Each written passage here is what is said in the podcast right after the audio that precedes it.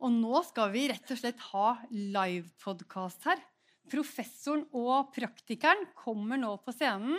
Eh, professoren det er da så mye som Lars Erling Olsen. Han er da professor i markedsføring ved Handelshøyskolen BI og forfatter av en rekke bøker i markedsføring, merkevarebygging og kommunikasjon. Og praktikeren det er Alf Bendiksen, konsulent og reklameveteran.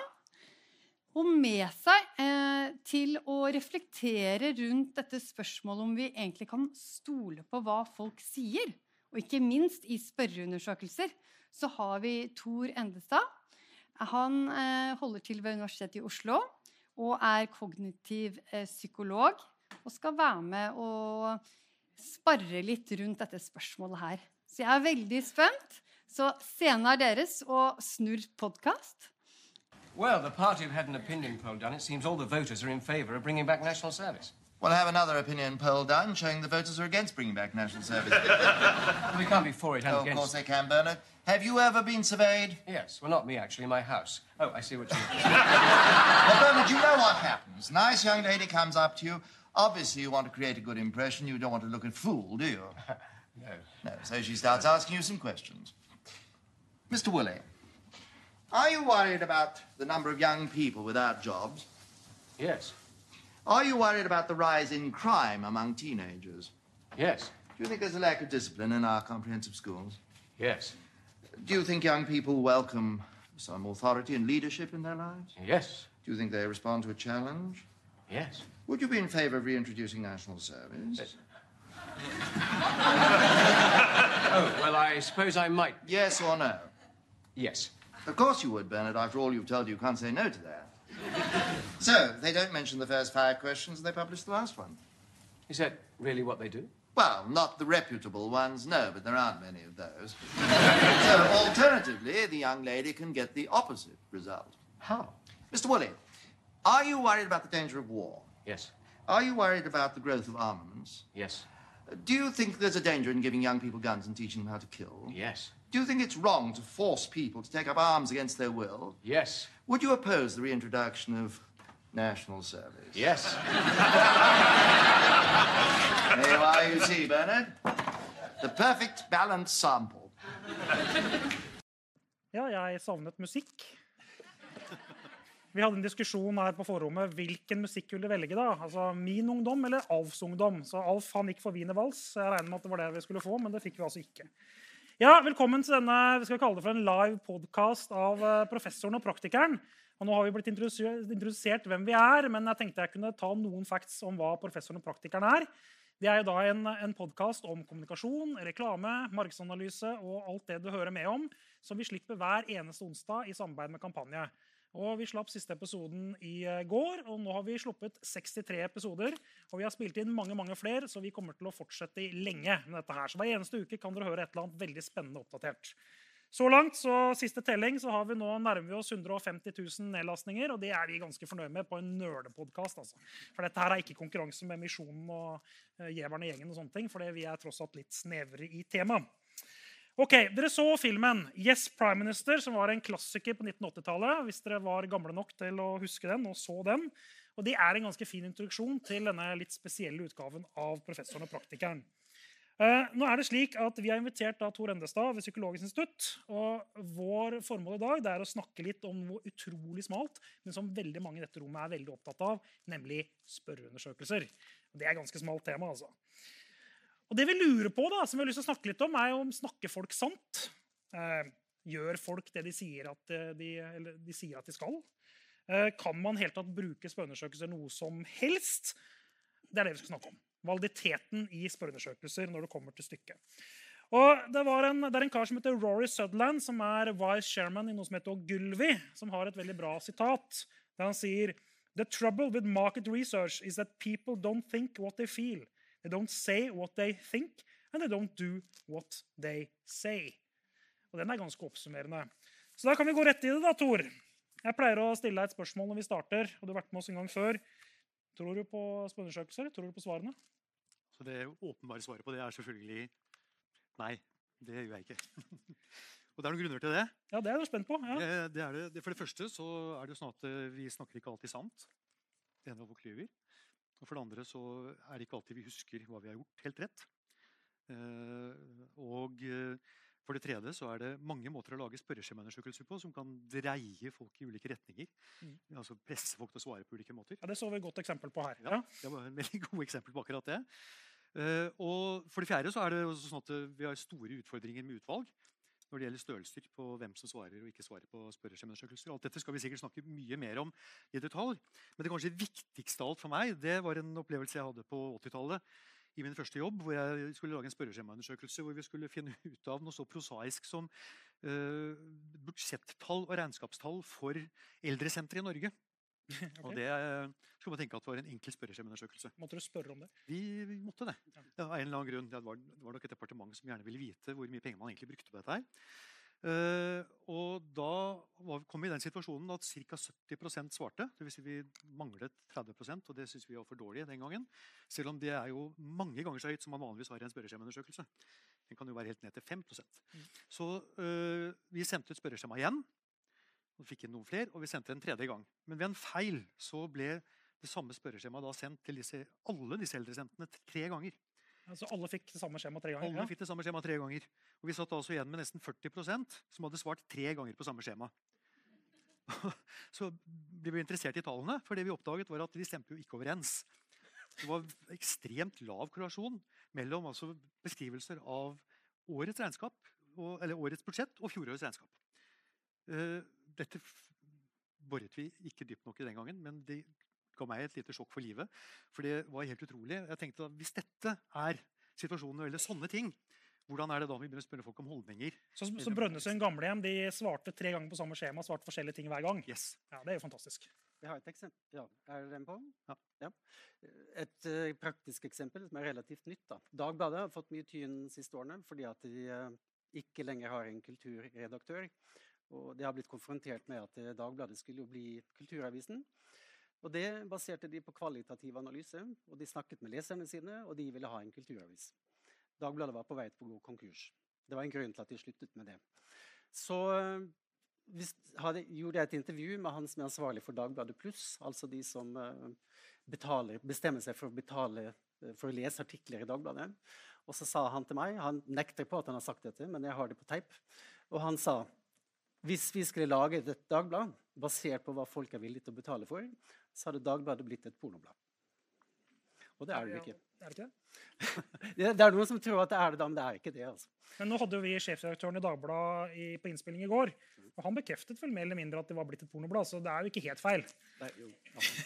Ok, jeg dro kanskje litt langt. Eh, men eh, vi hadde et godt eksempel tidligere i dag. Det var noen som var til stede når eh, min gode venn Even Westervel, som skulle ha meg til å pusse opp huset mitt og bygge varmepumpe under foredraget, eh, når han eh, begynte å snakke om bank og bærekraft og viste en undersøkelse der han sa at eh, 40% av nordmenn sier at det er viktig eller svært viktig å tenke på bærekraft når jeg eh, skal velge bank. Tror du på det tallene? Nei. Altså, Jeg tror jo på at de har sagt det. Det tror jeg veldig på. Men i virkeligheten, er det noen her som velger bank pga. deres grønne profil? Hvor mange Er det 40% nordmenn som gjør det? Tror dere på det? Nei. Altså, Jeg tror ikke noe på det, i hvert fall. Og det som er interessant, er dette her med den her korrelasjonen mellom holdning og atferd som vi snakker om. altså Attitude behavior link heter det på begynnelsen av 70-tallet innenfor eh, ditt fagfelt. Eh, det har vi jo visst om lenge. Det er jo ikke noen nyhet. Eh, men det er liksom ofte at man må banke de samme tingene mange ganger. Så hva, er- hva, er liksom, hva tenker du, Tor? Hva er løsningen? Altså, vi vet at det er et problem. Folk sier én ting, gjør noe annet. Altså, et annet bra eksempel det var Norwegian. Var du som nevnte for meg i stad. Hva var det eksempelet var?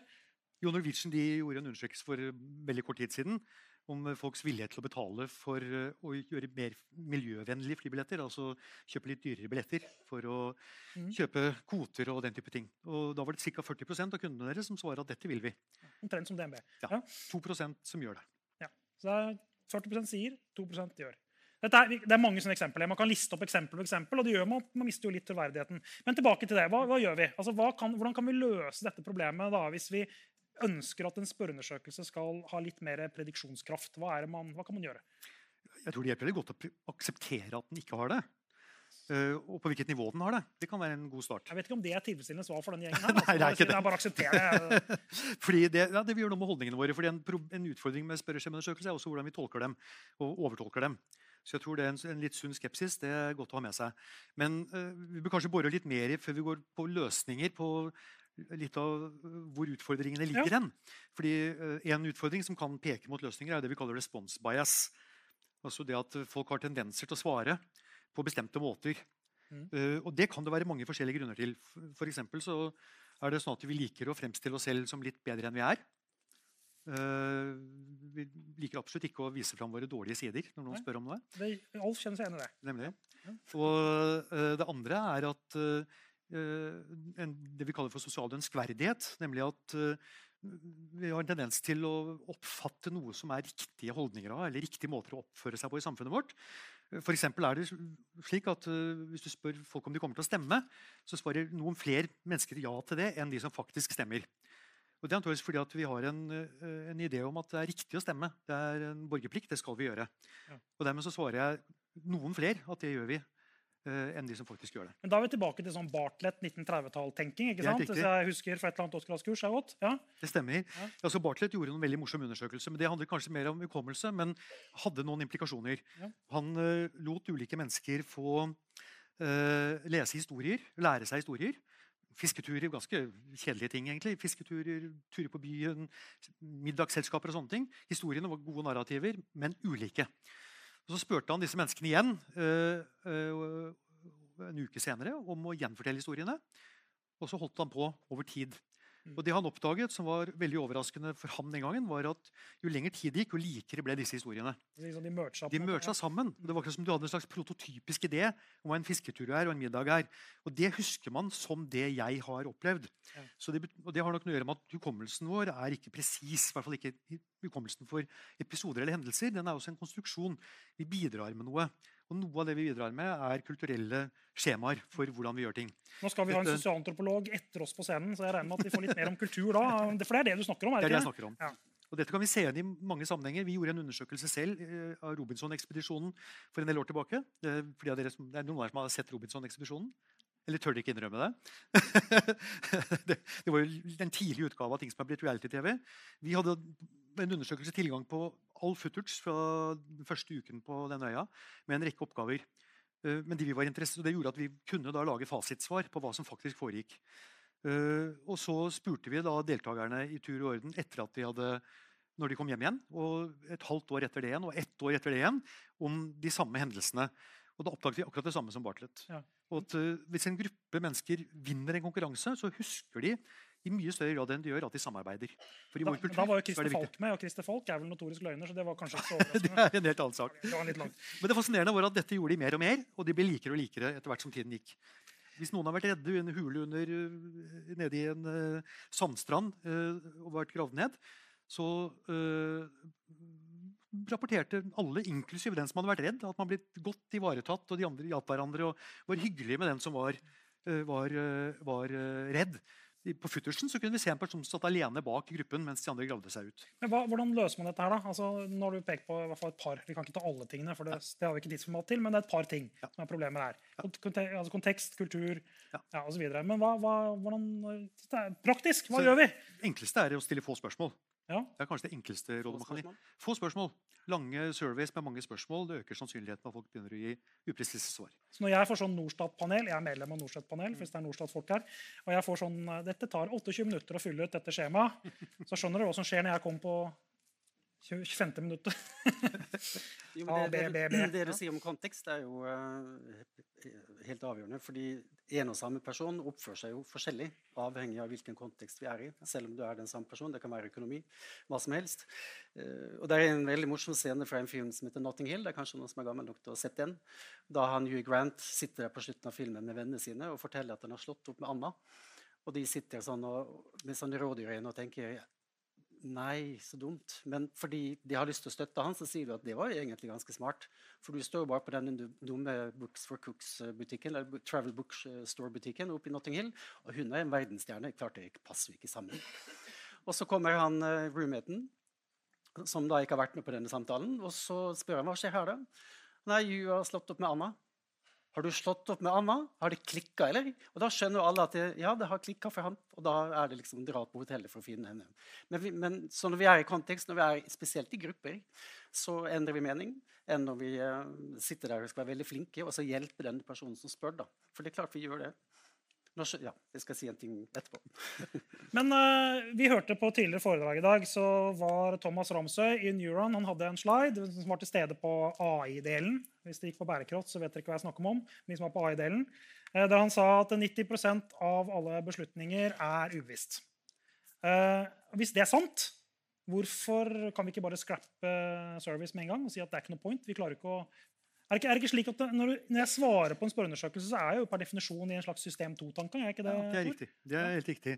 Så, og, og vi vet jo også det at veldig mange av de impulsene vi har, har vi ikke så veldig god språklig tilgang på.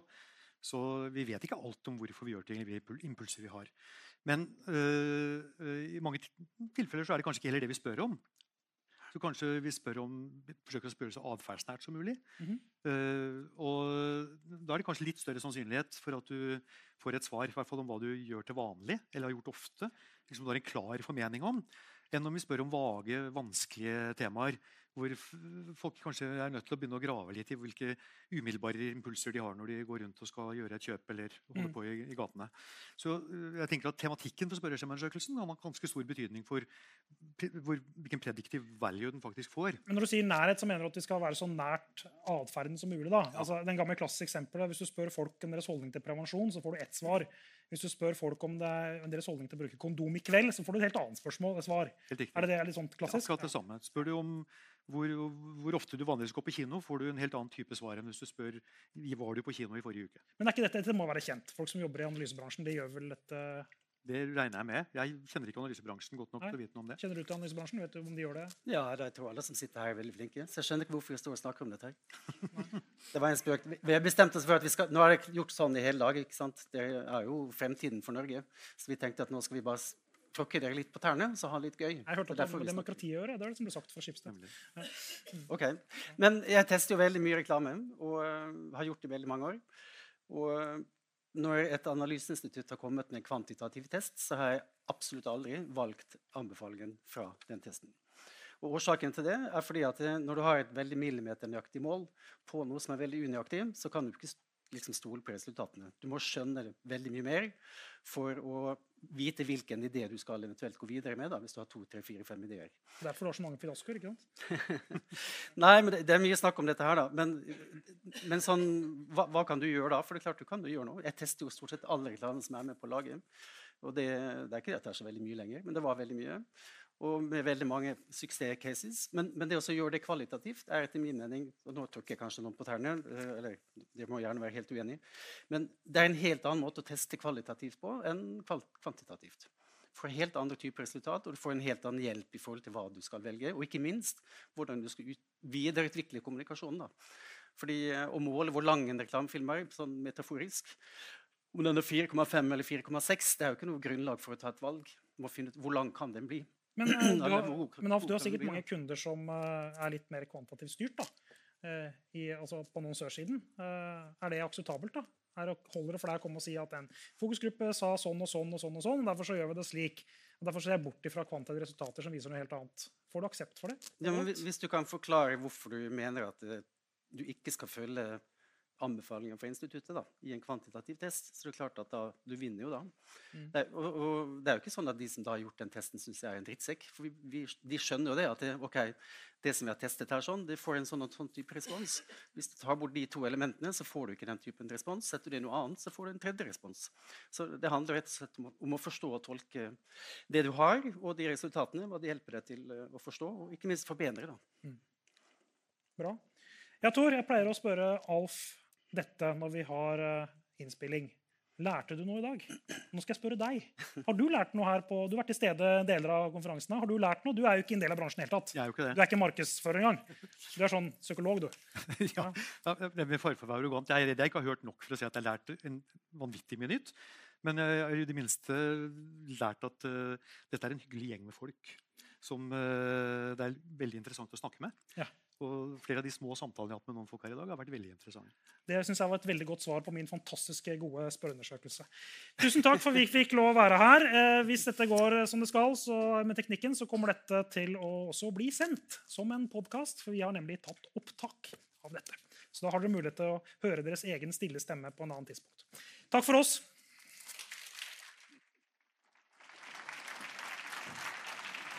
Dere, før dere går av, eh, av eh, podiet her eh, Det er jo mye kvantfolk her, ikke meg.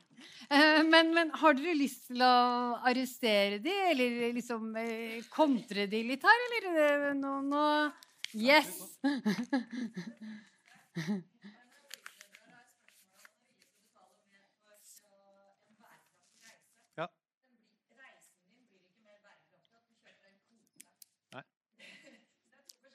Ja, og det er et godt poeng.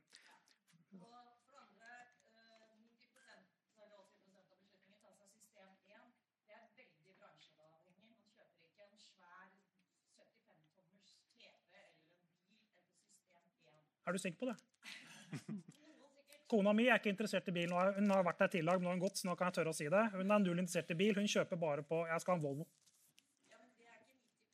Volvo. Samme hvilken det er, bare Volvo. Den skal være svart!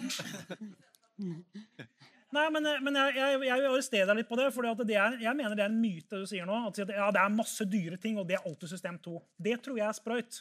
Jeg tror ikke det er sant, det du sier. Men det er klart det er stor individuell variasjon. Det er selvfølgelig mange mennesker som bruker mye kreft på dette her. Og så er det mange mennesker som ikke gjør det. Jeg tror det er stor forskjell. Og jeg kjenner også, jeg har en kollega som er ekstremt opptatt av sjampomerker. Og bruke masse tid foran sjampohylla for å lese alle detaljer. Som man skulle tro kanskje var en system 1-beslutning. Men for vedkommende så er det en, ikke bare litt system 2. Det er altså sykelig autistisk system 2. Så poenget er at det, det går ikke an å hugge over en stein. Og så tror jeg heller ikke noe på om man kan si 90 eller 80 for det. Hvordan skal du regne på det? Altså Det blir bare sånn 80, 70, 60, hvem faen vet. Du tror det? Ja? Jeg har lyst til å krangle med deg på et annet tidspunkt. Bare i kveld, ja. Var det flere Bra. spørsmål? Er det noen som tør? Det ble punch tilbake. Eh, veldig eh, hyggelig å ha dere her. Vær så god, en liten eh, gave til dere. Tusen takk. Mm, ja. Tusen takk. Takk for det. Takk til dere.